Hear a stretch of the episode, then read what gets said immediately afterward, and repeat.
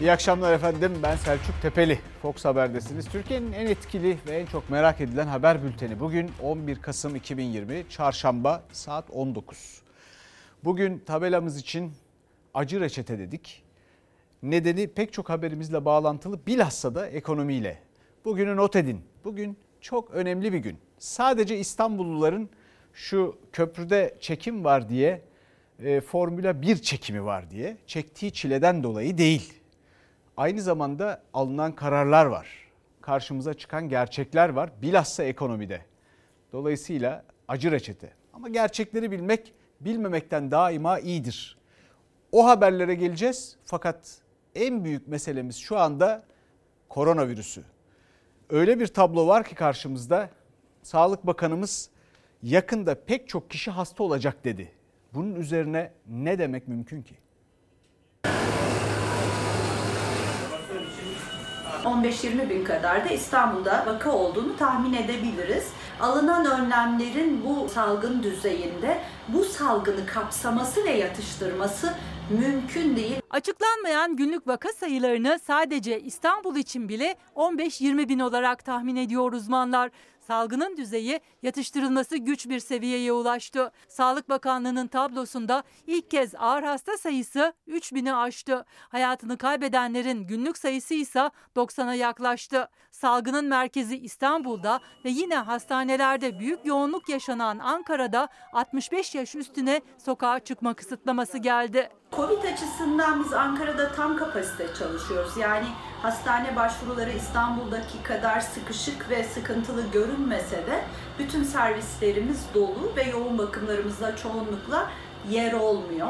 Ankara'daki son durumu böyle özetledi Gazi Üniversitesi'nden enfeksiyon hastalıkları uzmanı Profesör Doktor Esin Şenol. Servisler dolu, yoğun bakımda yer yok dedi. İstanbul'da ise çok daha yüksek vaka sayıları. 13 bin vakaya filyasyon yapılmışsa e, yaklaşık 3 bin pozitif dün Ankara'da oradan e, bulunmaktadır. Bunun dışında hastane başvurularını da ekleyecek olursanız ee, Ankara için öngörebileceğimiz bu sayının 3-4 bin civarında olduğu anlaşılır. İstanbul'daki rakamlar bunun 5 katı kadardır.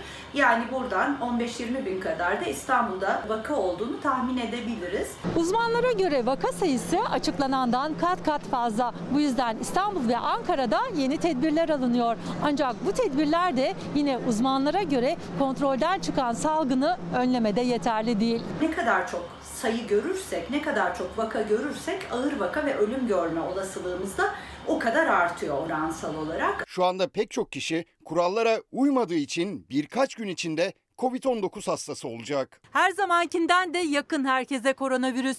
Geçen hafta iş yerlerinin 22'den sonra kapanmasına karar verilmişti. Bu kez de Ankara ve İstanbul valilikleri yeni genelgeyle 65 yaş üstünün sadece saat 10 ile 16 arasında sokakta olabileceklerini duyurdu.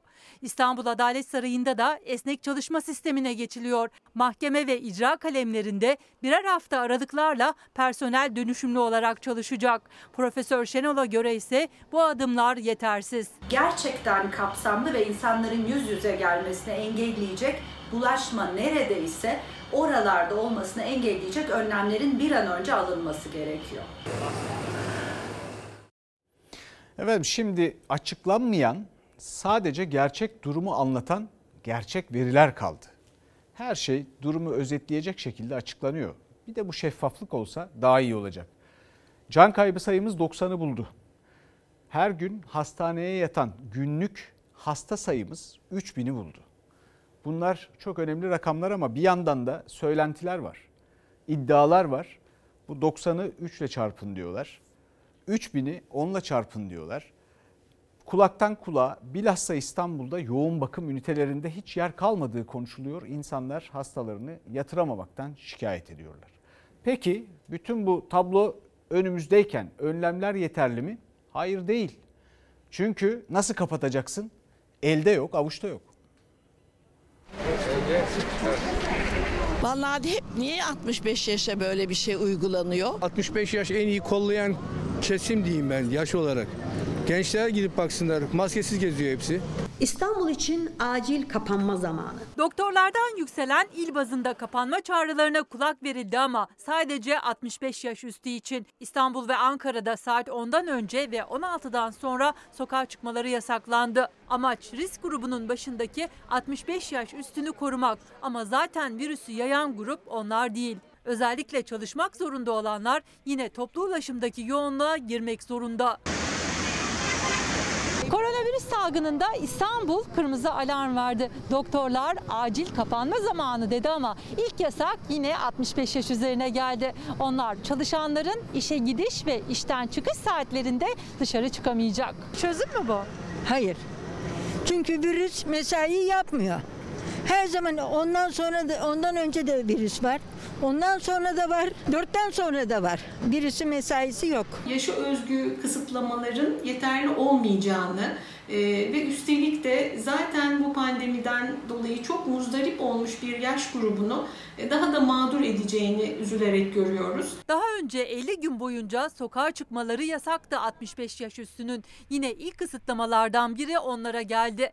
Belli bir saat aralığında dışarıda olabilecekler Ankara ve İstanbul'da. 65 artı Yaşlı Hakları Derneği Başkanı Doktor Gülüstü Salur'a göre ise bu yasak salgının gerilemesi için yetersiz. Kuluçka süresi yaklaşık 2 hafta olan bu hastalığın 2-3 haftalık bir kapanmayla, toplu bir kapanmayla, genel kısıtlamalar ve tedbirlerle yayılmasının e, daha kolay önleneceğini düşünüyoruz. Çalışan ya da esnaflık yapan 65 yaş üstü belgesini gösterdiği takdirde istediği saatte sokağa çıkabilecek. 65 yaş üstünün evindekiler de yine dışarı çıkıp o eve geri dönecek. 65 yaşında oturanlar, evde çoluğu çocuğu çalışanlar ne yapsın? Onlar dışarıdan getiriyor mikrobu. Devlet devlet olarak yaşlılarımızı daha çok koruması lazım. Nasıl koruyacak biliyor musun? Ya normal herkes kapatacak eve şey e, kısıtlama yapacak ama bunu yapamıyor. İşsizlerin parasını veremiyor.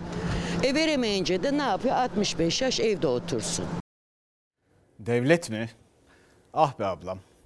Şimdi bir doktor sesi var sırada.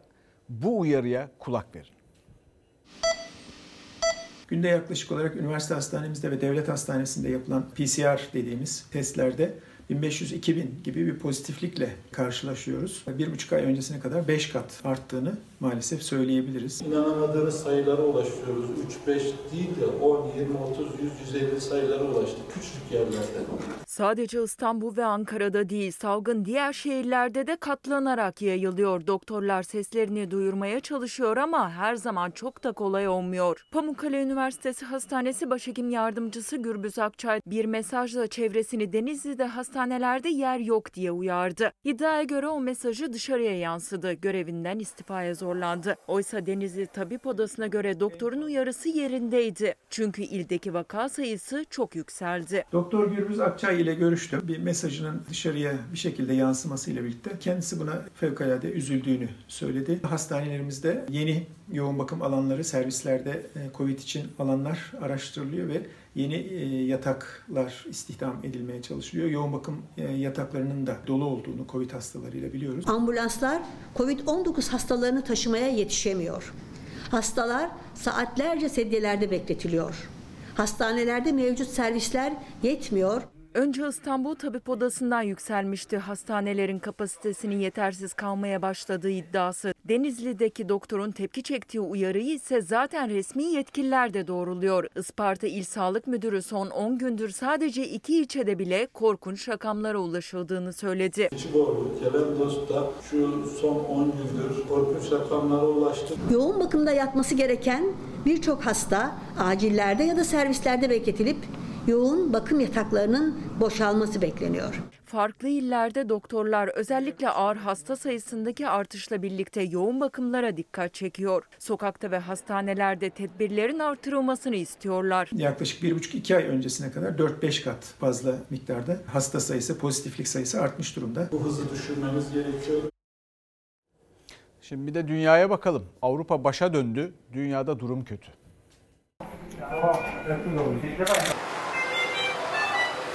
İngiltere'de son 6 ayın en yüksek can kaybı yaşandı.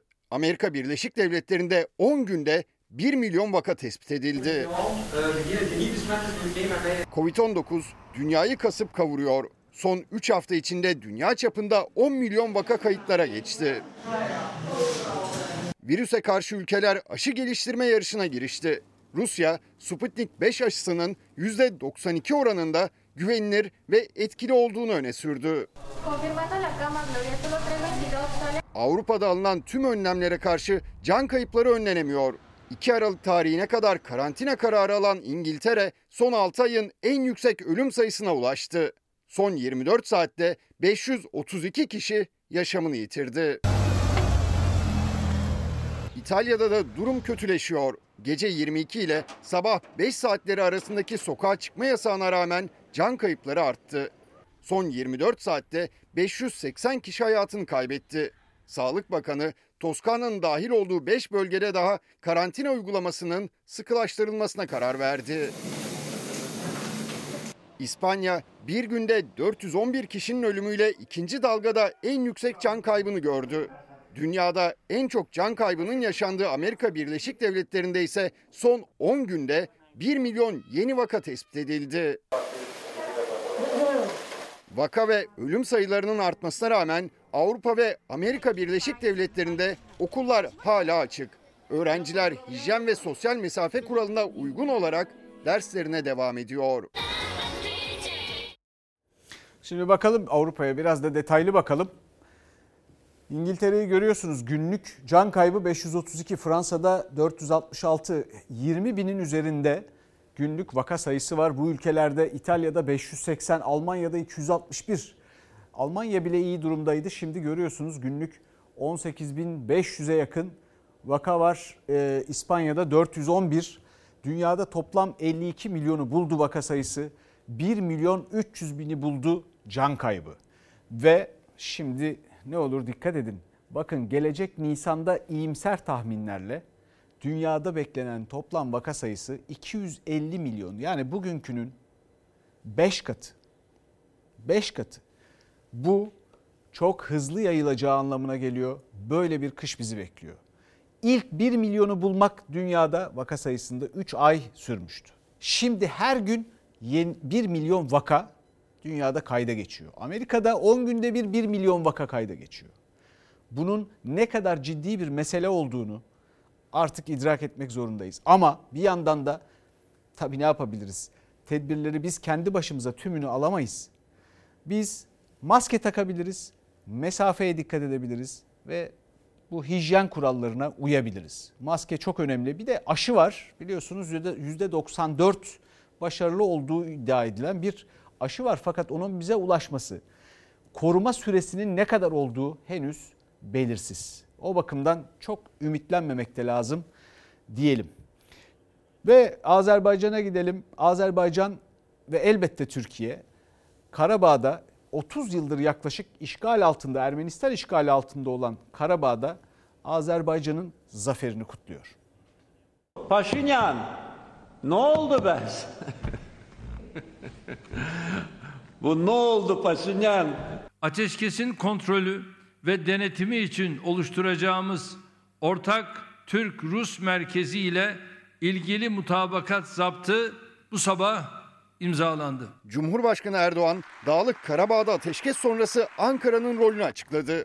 Türkiye'nin Rusya ile ortak barış gücünde yer alacağını duyurdu. Türkiye, anlaşmanın uygulanmasını gözetmek ve denetlemek üzere bölgede kurulacak ortak barış gücünde Rusya ile birlikte yer alacaktır. Azerbaycan, Ermenistan'ın Dağlık Karabağ'da hezimete uğraması sonrası yeni döneme hazırlanıyor.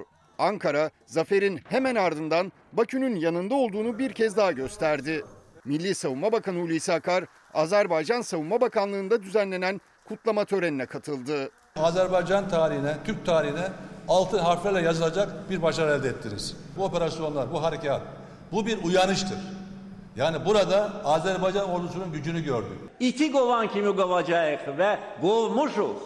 İti qovan kimi qovmuşuq.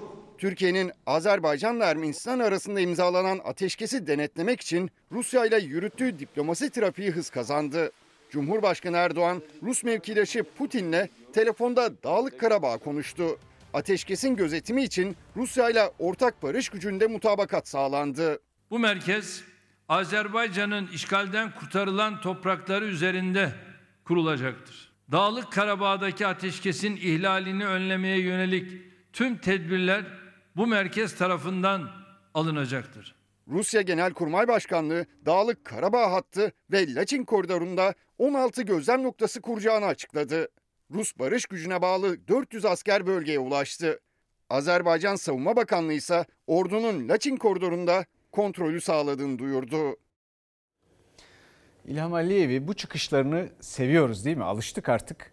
Türkiye'de e, Azerbaycan Türk'ü kardeşlerine çok yardım etti. Her iki ülke de şu gelinen noktayı gerçekten hak etti. Fakat dikkat etmemiz gereken bir şey var. Şimdi Mehmetçik Karabağ'da tam olarak detaylarını bilmiyoruz. Çünkü Başkan Erdoğan da e, bir anlaşma, bir mutabakat olduğunu ve oradaki bir komuta merkezinde e, Türkiye'nin bulunacağını, askerlerin de e, Türk askerlerinin Mehmetçiğin de bu söz konusu anlaşmayı, barışı denetleyeceğini söyledi. Fakat bu noktada çok dikkat etmek lazım çünkü dış politikada genellikle algılar fazlasıyla yanılır. İşte mesela biz Suriye'de de benzer bir devriye görevini Rusya ile Amerika ile üstlendik. Orada istediğimiz hedeflere ulaşabildik mi? İktidarın kendisi, Cumhurbaşkanının kendisi bu durumdan yani son gelinen durumlardan şikayet etti yer yer zaman zaman. Niye? E çünkü işte Amerika veya Rusya bunlardan birini aslan işte birini ayı olarak değerlendirirseniz onlarla devriyeye çıktığımızda onların kontrolünde, etkisinde kaldığımız zaman bu devriyenin veya denetimin çok bir kıymeti olmuyor. Hele uluslararası hukuk, uluslararası camia bu işin içinde yoksa. O bakımdan Rusya şu anda aslında Karabağ ve Ermenistan'la Azerbaycan arasına ve Azerbaycan'la Türkiye arasına şu ya da bu şekilde askeriyle girmiş durumda ve bütün yolları, bütün enerji hatlarını kontrol edebilecek bir aşamada. Bunu iyi yönetmek ve gerçekten çok dikkat etmek lazım. Şimdi e, bir de bir Biden gerginliği var e, Türkiye'de biliyorsunuz. E, muhalefetle iktidar bloğu arasında da bu gerginlik tebrik ettin etmedin, ne zaman ettin ne zaman etmedin diye sürüyor. E, bu gerginliği bir görelim ondan sonra bununla ilgili de küçük bir değerlendirmemiz var. Erdoğan, Amerika Birleşik Devletleri'nin seçilmiş başkanı Joe Biden'ı tebrik etti. Donald Trump'a teşekkür mesajı yolladı. Başkanlık seçimleri Ankara'da siyaseti hareketlendirdi. Ülkelerimiz arasındaki güçlü işbirliği ve müttefiklik bağının bugüne kadar olduğu gibi gelecekte de dünya barışına hayati katkılar sunmaya devam edeceğine inanıyorum. Biz ne Biden şakçakçısıyız ne Trump sevdalısıyız. Ne filin hortumundan tutuyoruz ne de eşeğe binmek için sıra bekliyoruz. Amerika Birleşik Devletleri'nde başkanlık seçimi sonucu günler süren tartışmalı sayım sonrasında netleşti. Resmi olmayan sonuçlara göre Joe Biden ülkenin 46. başkanı oldu. Ankara sonuçlara temkinli yaklaştı. Biden'a ilk tebrik CHP lideri Kemal Kılıçdaroğlu'ndan geldi. MHP lideri Bahçeli o kutlamaya tepki gösterdi. Türkiye-Amerika Birleşik Devletleri arasındaki dostluğun ve stratejik müttefiklik ilişkilerimizin güçlenmesini dilerim. Biden'a ağzına sürdüğü bir tutam balın lezzetini almış olmalı ki Kılıçdaroğlu yeni efendisiyle sosyal medyayla temas kurma gereği hissetmiştir. Türkiye resmi sonuçlar açıklandıktan sonra tabii ki tebrik edecektir e, kazananı. Bu açıklamanın üzerinden 24 saat geçmeden Cumhurbaşkanı Erdoğan Biden'ı tebrik etti. Sonucun Amerikan halkı için hayırlı olmasını diledi. Trump'a da teşekkür etti. Muhalefetse milli çıkarları adres gösterdi. Ortak çıkar ve değerlerimiz temelinde gelişmesi için ortaya koyduğunuz samimi ve kararlı vizyon için teşekkür ederim. Amerikan başkanının Türk siyasetine nasıl baktığı değil, Türkiye'nin milli çıkarlarının nasıl korunup kullanacağıdır. Biden farklı mı olacak? Onu zaman gösterecek. İyi Parti lideri Akşener AK Parti'ye hedef aldı. MHP lideri Bahçeli ise Biden'ın geçmişte yaptığı Türkiye'nin iç siyasetine yönelik skandal açıklamalarına tepki gösterdi. Trump döneminde ahbap çavuş boyutuna indirgenen ilişkilerin yeniden devletler arası bir kimlik kazanmasını umuyoruz. Biden'ın geçmişteki sözleri, temasları, çelişkileri, gelgitleri, mesafeli tutumu, Türkiye'yi şaşı ve soğuk bakışı iyimserliğimizin önüne set çekmekte, baraj oluşturmaktadır. Türkiye'de bu Amerika'daki seçimleri yarışan iki adayı özellikle medyada ve elitler arasında önemli bir kesim, önemli bir bölüm o kadar yanlış yorumladı ki. Şimdi buna burada girersek haberleri bölmüş oluruz. Onu son bir dakikaya bırakacağız. Ee, ve çok ilginç olacağından emin olabilirsiniz. Şimdi bugün acı reçetenin bu bizim e, tabelamızın tam karşılığına gelelim. Bugün Cumhurbaşkanı Erdoğan bir takım kararlar açıkladı. Ve bu kararlar kendisi de adını koydu ki gerçekten bir acı reçetede içerebilir. İçerecek muhtemelen. Gerçek durum tablo budur. Yani bu mudur? Budur. E, o yüzden 11 Kasım'ı tarihe bir not düşün derim. 11 Kasım kararları diye. Gerekiyorsa devlet ve millet olarak fedakarlık yapmaktan acı da olsa doğru reçeteleri uygulamaktan kaçınmayacağız. Sarayın kapısından giremezsiniz ama gerekirse CİMER'e yazın. Oy verdiğiniz Cumhurbaşkanına deyin ki ben de zenginlik istiyorum.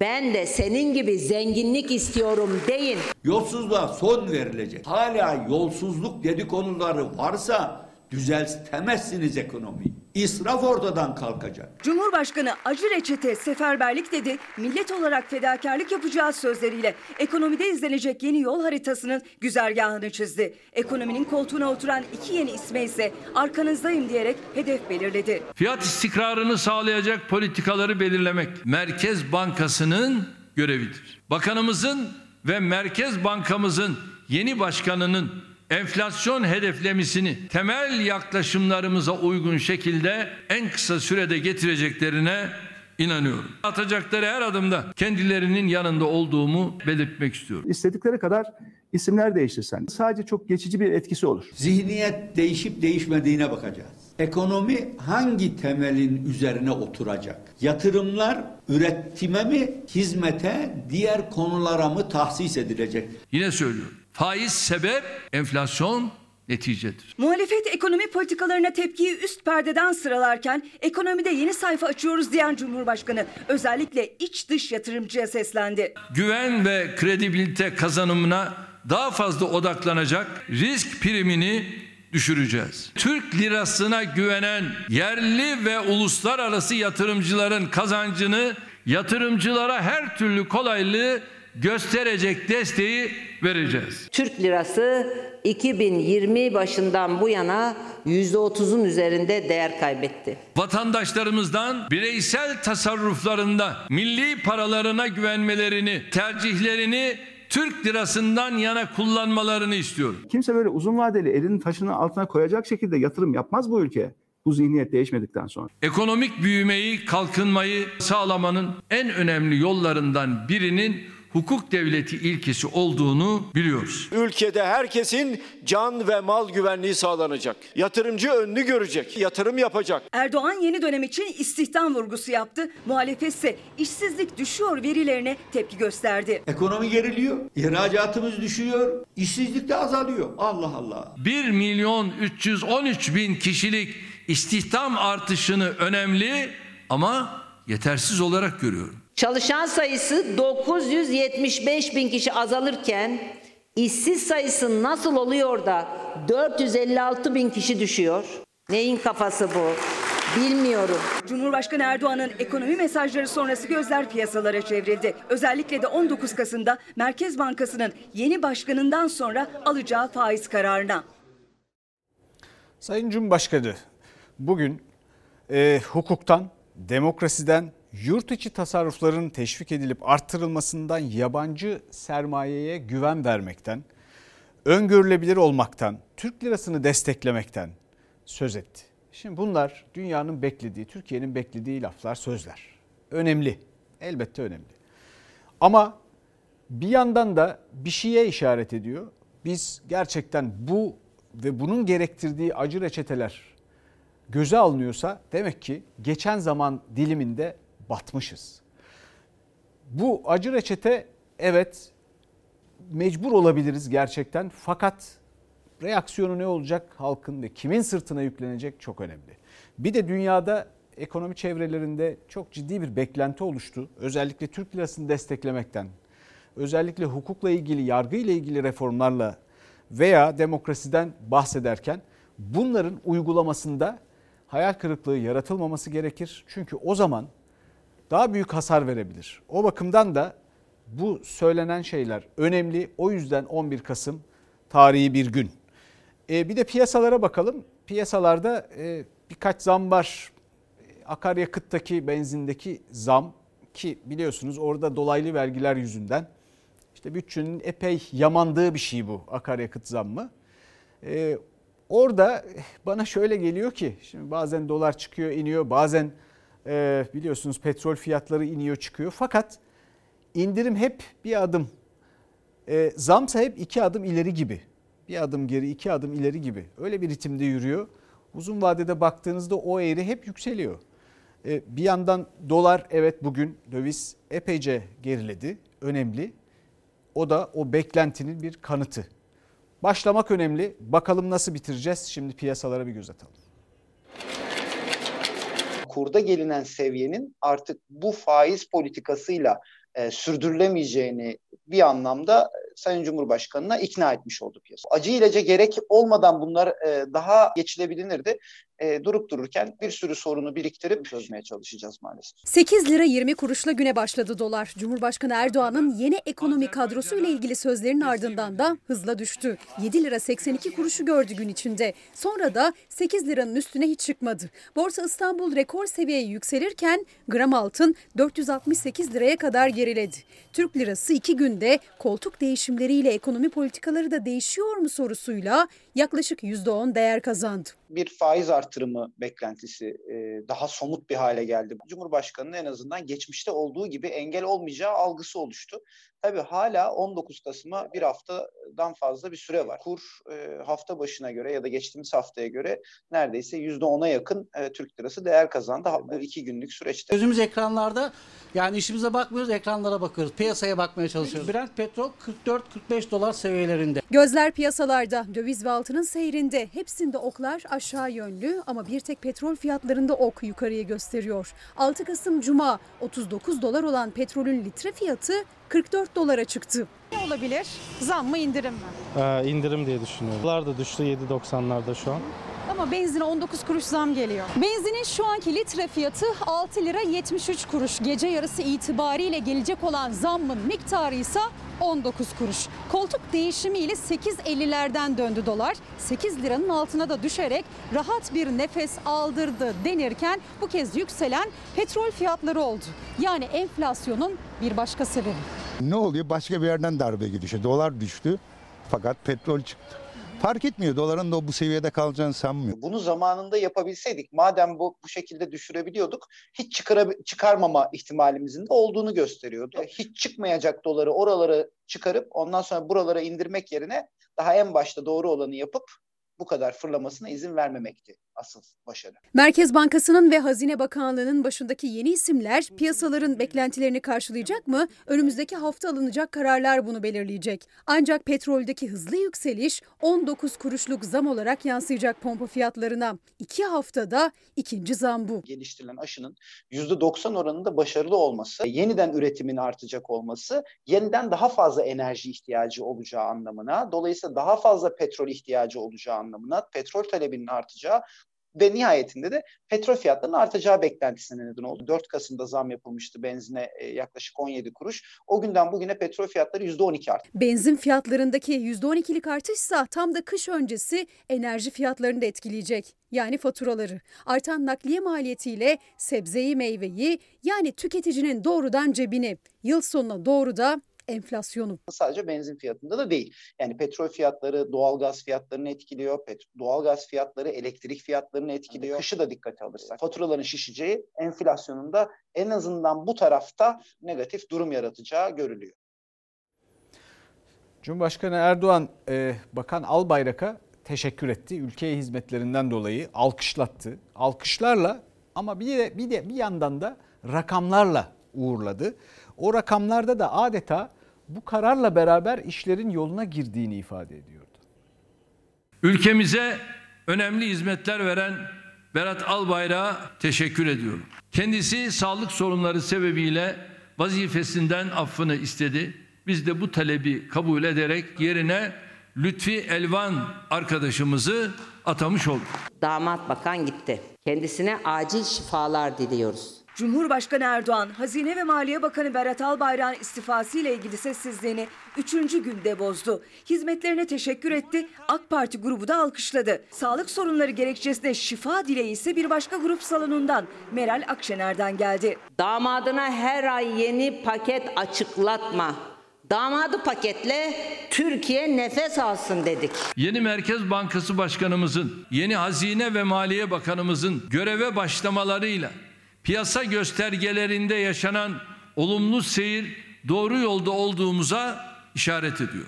Cuma günü 8,54 seviyesinde kapanan dolar kuru 8,09 seviyelerine kadar geriledi. Tahvil faizi %13,84'ten %12,80 seviyesinde Cumhurbaşkanı Erdoğan'ın bakan değişiminden sonra dolarda faizde yaşanan düşüşleri bir bir sıralaması dikkat çekiciydi. Erdoğan ekonomide yeni dönem vurgusunu sık sık yaparken Ahmet Davutoğlu eski yeni demeden siyasi hesap hatırlatmasıyla meydan okudu. Hazine Maliye Bakanı Türk ekonomisini irrasyonel düzenlemelerle batıran bir bakandır. İstifa etmesi onu kurtarmaz. Bu devletin üzerine yüklediği yüz milyarlarca dolarlık ek borç yükünü ortadan kaldırmaz. Bunun siyasi hesabı hem Sayın Cumhurbaşkanı üzerindedir hem onun üzerindedir. Dolar düştü 5 liraya. Şimdi bunlar kara kara düşünüyor. Böyle bir ciddiyetsizlik olabilir mi? Ayıptır ayıp. Kendisi lafa geldi mi biz devlet yönetiyoruz devlet diye parmak sallarken bir bakanı Twitter üzerinden son olarak da damadı Instagram üzerinden istifa etti. İyi Parti lideri Meral Akşener, Berat Albayrak'ın istifasını sosyal medya üzerinden duyurması, o istifaya 27 saat sessiz kalınmasını da eleştirirken oklarının hedefinde Cumhurbaşkanlığı hükümet sistemi vardı. Partili Cumhurbaşkanlığı sisteminde artık her bakan kendine göre bir sosyal medya mecrası seçip oradan istifa ediyor. Kabinenin bir diğer ultra başarılı üyesinin yani Tarım Bakanı'nın da TikTok'ta yapacağı bir düetle istifa etmesini bekliyoruz. İstifa bir şantaj meselesi haline dönüştü. Berat Albayrak'ın istifası sonrası ne diyeceği merakla beklenen liderlerden biri de Devlet Bahçeli'ydi. Doğrudan tek kelime etmedi ama Kılıçdaroğlu'nun istifa sonrası kurduğu bu bir devlet krizi sözlerine öfkelendi. Bir devlet kriziyle karşı karşıyayız aslında. Basit bir krizi yönetemeyenler devleti yönetiyorlar. Bugün Türkiye'de devlet krizi değil, muhalefet krizi, siyasi ahlak krizi, son tahlilde Cumhuriyet Halk Partisi krizi vardır. Her geçen gün de kökleşmektedir. Berat Albayrak artık iktidar saflarında değil ama istifasıyla, sonumuzu hayır eylesin vedasıyla ve ekonomide altında imzası olan icraatlarıyla gündemden düşecek gibi değil. TikTok ilginçmiş. Şimdi nereden nereye? Ülke öyle bir teoriyi ortaya attı ki boş koltuk teorisi. Yani koltuk boşken işlerin düzeliyor gibi olması durumu. Şimdi muhalefetin de dile getirdiği bir takım başka bakanlar var. Eğer insanlar kendi başlarına idare edebildiklerini görmeye başlarlarsa aman ha bu boş koltuk teorisi mesela sağlıkta, mesela milli eğitimde günlerdir görmüyorum ortada Sayın Bakanı. Ee, mesela tarımda e, bakanları önümüzdeki günlerde zorlayabilir. Ee, ve şimdi e, AK Parti'de dün dedik ki retro yönetim dönemi yani eski güçleri sahaya sürme dönemi. Nitekim e, göreceksiniz şimdi haberde de eski isimler pek çok kurumda ve AK Parti'nin içinde sahada. Kabine değişikliği spekülasyonlarla ilgili içi boş. Ya Tayyip Erdoğan masa başı kalemşörlerin yazdıklarıyla amel etmez. Kulisleri kabine değişikliği olacak mı sorusuyla çalkalanırken Erdoğan spekülasyon dedi, kapıyı kapattı. Ama iktidar kanadındaki hareketlilik, Berat Albayrak'ın istifası, eski bakanların yeniden kritik koltuklara atanmasıyla zirve yaptı. Yani siz yazacaksınız. Ben de onlarla muamele edeceğim. Böyle bir adım attığımızı gördünüz mü? Ya atmayız. Attıramazsınız bize. Yeni yönetim sistemimizde değişim gerekiyorsa bunun yerini ve zamanını milletin yetki verdiği Cumhurbaşkanı belirler. Eski Bakan Naci Ağbal'ın Merkez Bankası Başkanlığı'na getirilmesi, Berat Albayrak'ın istifasıyla yine eski bakanlardan Lütfi Elvan'ın Hazine ve Maliye Bakanlığı koltuğuna oturması, İçişleri Eski Bakanı Dolmabahçe fotoğrafında da yer alan Efkan Alan'ın da AK Parti Dış İlişkiler Genel Başkan Yardımcılığına getirilmesiyle parti kulisleri hareketlendi. Erdoğan gelmeden önce bütün gözler bakanların üzerinde ve oturdukları sıralardaydı. Berat Albayrak'ın yerinde artık Lütfi Elvan vardı. Tebrikleri, taktikleri aldı. Erdoğan son birkaç gündür ekonomide yaşananları överken bakanlar arasındaki sohbet dikkat çekti. Ülkemizin Kulisler kabine revizyonu olacak mı? Yeni Cumhurbaşkanı yardımcıları atanacak mı? Bazı bakanlıklar bölünüp yeni atamalar yapılacak mı sorularıyla çalkalanırken Erdoğan konuştu. Medyada yazılanları hedef aldı. milletimizden işareti aldığımızda da hiç tereddüt etmeden gereğini yerine getiririz. Bunun dışındaki her türlü haber lafı güzaftan ibarettir ve bu millete de ihanettir. Erdoğan'ın sözleri kabine revizyonu iddialarına noktaya koyacak mı? Merak konusu.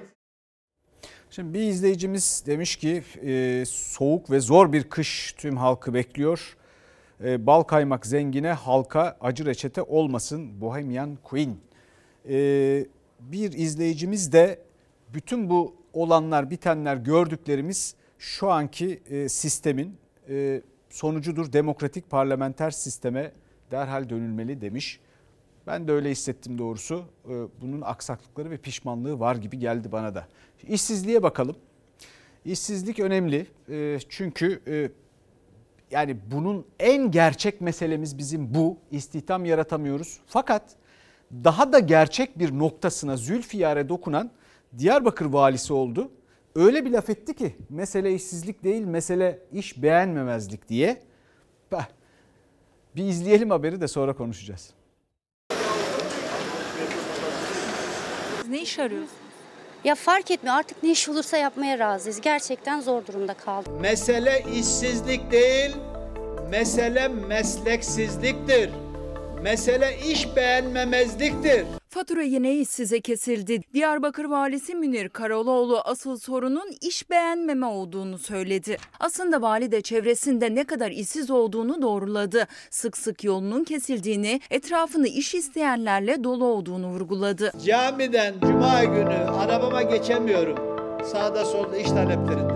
Ne iş yaparsın? Efendim her işi yaparım. Her işi yaparım diyen adam hiçbir işi yapamaz arkadaşlar. Mesele işsizlik değil, mesele mesleksizliktir. Mesele iş beğenmemezliktir. İş bulmam lazım. Bulamazsanız? Bulacağım. Öyle bir lüksüm yok.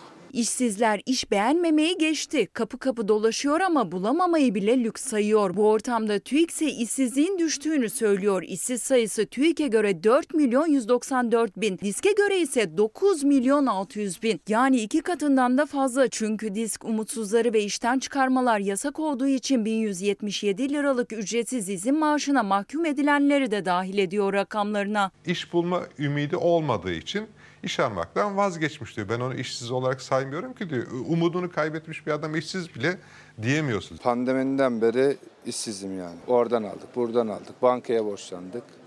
Bir sürü borcumuz var yani. TÜİK umutsuzları işsiz saymıyor. Disk ise aslında umutsuz olan işsizleri de dahil edince sayı ikiye katlanıyor. Yani herkes kendi hesabını yapıyor ama aslında işsizliğin ne olduğunu bir tek yaşayan yani işsizler biliyor. Bu kadar borcun içine girip çoluk çocukla kira ödemek, fatura ödemek bunu kimse anlatamaz. Yaşaması lazım yani. Çocuğunuzun Bir şey istediği zaman alamaması, istediği kitabı, kalemi, defteri alamaması onu ancak yaşayan kişi bilir. İshak Vurgun'da yaşamayanın bilemeyeceği işsizlik gerçeğiyle uyanıyor her yeni güne. Rakamlara dahil edilip edilmediği meçhul. Zaten gerçek oran ne? O da meçhul. Çalar Saat'te İlker Karagöz'ün konu olan ekonomi profesörü Yalçın Karatepe'ye göre de TÜİK'in açıkladığı gibi %13,2 değil %30'lara dayanmış durumda işsizlik. Dünyanın her tarafında işsizlik böyle pik yapıp biraz gerileyip hareket ederken bizde yatay seyretmesi açıklanabilir bir durum mu? Türkiye'deki fiili işsizlik oranının %30'lara dayandığını üzülerek söylüyor. Yani maalesef Hiç Sayın Vali'ye acaba şunu söyleyen oldu mu? Ya bu mesleksizlik durumunu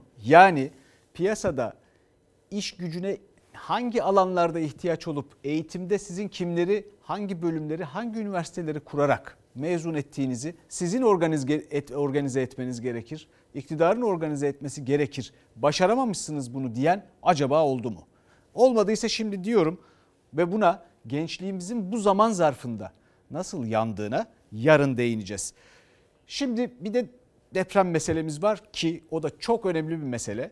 Deprem meselesine mesela bütün bu yeni ekonomik kararlarda piyasanın, ekonominin dengesinin yeniden tutturulması gerekliliğinin altını çizdik durduk. İnşaat hep birinci sırada açık ara ve dengeyi bozuyor. Ama bir yandan da depremzedeye değil, kime veriliyor o paralar? Müteahhitlere, müteahhit cuntasına. Muhalefette bunu dile getiriyor. Vatandaşlarımızın canı yanmış. Abuk sabuk devlet ciddiyetine yakışmayan açıklamalar geliyor. Büyük ortak çıktı. Vatandaşlarımız da keşke üzerine para koyup binalarını güçlendirselerdi dedi. Milletimizin de oturduğu binanın depreme dayanıklılığını tespit ettirmesi, şayet bu konuda herhangi bir sıkıntı varsa, gerekiyorsa kendisi de üstüne biraz koyarak hızla sağlam bina inşası için harekete geçmesi gerekiyor. Sayın Erdoğan, akıl vereceğinize gelin sıfır faizli uzun vadeli kredi verin. İyi Parti lideri Meral Akşener'in gündeminde İzmir depremi sonrası Cumhurbaşkanı Erdoğan ve MHP lideri Devlet Bahçeli'nin sözleri vardı. Tepkiliydi. Küçük ortak çıktı. Keşke o evlerde oturmasalardı dedi. Neredeyse kaybettiğimiz canlarımızı suçlayacaklardı ki çok şükür ona yüzleri tutmadı. Keşke birkaç metrekare fazla pay alma uğruna riskli binalarda oturmak tercih edilmeseydi. Buradan iktidara sesleniyorum. O binaları denetlemek sizin göreviniz. Bunları yapmadığınız gibi kalkıp bir de vatandaşı suçlar gibi laflar ediyorsunuz. Ayıptır ayıp. İzmir depremi CHP'nin enkaz altında kaldığı bir depremdir. 115 canın yitip gittiği İzmir depremi sonrası Erdoğan CHP'yi hedef almıştı. Millet İttifakı'nın ortağı Meral Akşener ise Cumhur İttifakı ortakları Erdoğan ve Bahçeli'nin sözlerini gündeme taşıdı. Deprem düellosu vergilerden garantili projelerin müteahhitlerine kadar uzandı. Devlet zor günler için topladığı 35 milyar doları milletinin evlerinde sağ salim oturması için harcar. Tabii bu sadece kamunun imkanlarıyla olacak bir iş değil. Gerekiyorsa kendisi de üstüne biraz koyarak hızla sağlam bina inşası için harekete geçmesi gerekiyor. Bir yanda o 5 müteahhidinize bir kalemde 117 milyar lira garanti parası ödeyeceksiniz.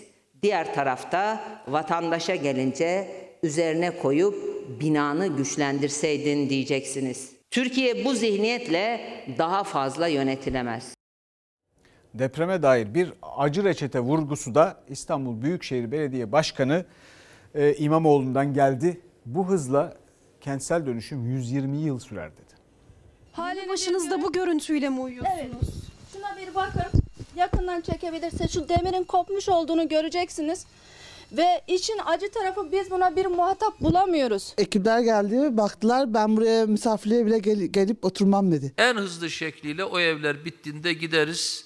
Korkusuz, tereddütsüz orada yaşayan insanların çayını kahvesini hep birlikte içeriz.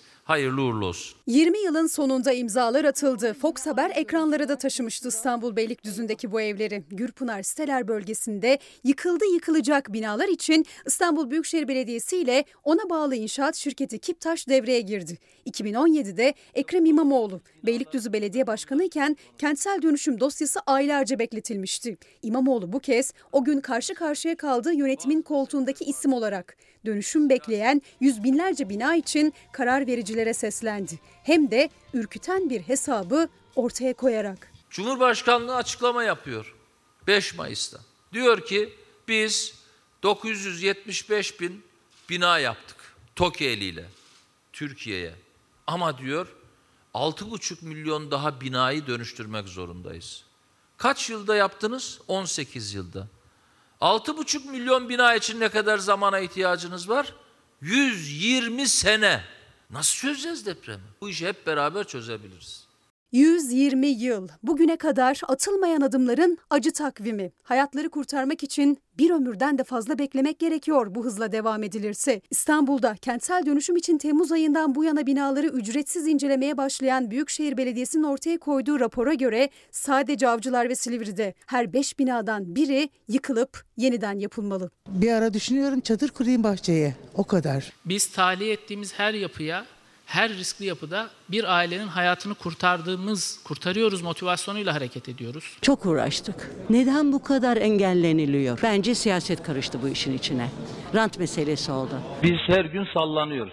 İşte iddiaya göre rantın, siyasetin karıştığı o adres. Yıllardır kentsel dönüşüm bekleyen ağır hasarlı Beylikdüzü Gürpınar'daki 12 bin nüfuslu siteler bölgesi için imzalar atıldı. Duvarları dökülen binalarda yaşayan yüzlerce site sakini şimdi hızla yeni evlerine oturacakları günü bekliyor. Lüks de istemiyoruz. Tek istediğimiz de bizim ödediğimiz vergileri bizim için harcamaları. Şimdi bir aramız var. Bir dakikada görüşmek üzere. Efendim ben e, bizim elitlerimizin önemli bir bölümü ya da medyamızın önemli bir bölümündense yorumcular, analizciler dışarıdaki ortak zekamıza, bu ülkenin, bu milletin oluşturduğu ortak zekaya daha çok güvenirim. Daha doğru tespitler yaptığında görüyorum doğrusunu isterseniz. Türkiye gibi, Amerika Birleşik Devletleri gibi bunu ne olur ayıplamayın, gülmeyin buna. Buna inanıyorum, siz de inanın. Batılı demokratik ülkelerde Amerika'daki seçimlere yapılan değerlendirmeler gibi değerlendirmeler yapılmaz. Ortalık karışacak. Biden'ın silahlandırdığı adamlar işte bilmem şu çocukları bu çocukları filan diye bir şeyler söylendi. Onlar ancak o boya attıkları paintball oyunlarında filan bunu yaparlar. Ciddi ülkelerde böyle şeyler olmaz. Seçimlerden sonra bizdeki yorumcuların beklediği gibi ortalık öyle karışmaz. Sonra o gerilim tabii buraya da bir miktar yansıdı. Bunun üzerine de konuştuk durduk. Bir takım öyle yani üzerinde tepindik diyelim. Oysa sonra ne oldu? İşte birçok itiraz mahkemelerce reddedildi. Şimdi sonuçları göreceğiz. Başka itirazlar, başka şeyler var ama emin olun Trump tarafı karikatürize edilecek. E, peki bu itirazlara bu kadar olağan bakıyor bizde herkes. E, en son İstanbul seçimleri tekrar edildi. Tekrar edilmesine yol açan pek çok itiraz vardı. Pek çok usulsüzlük iddiası vardı. Mahkemeye gitti bunlar.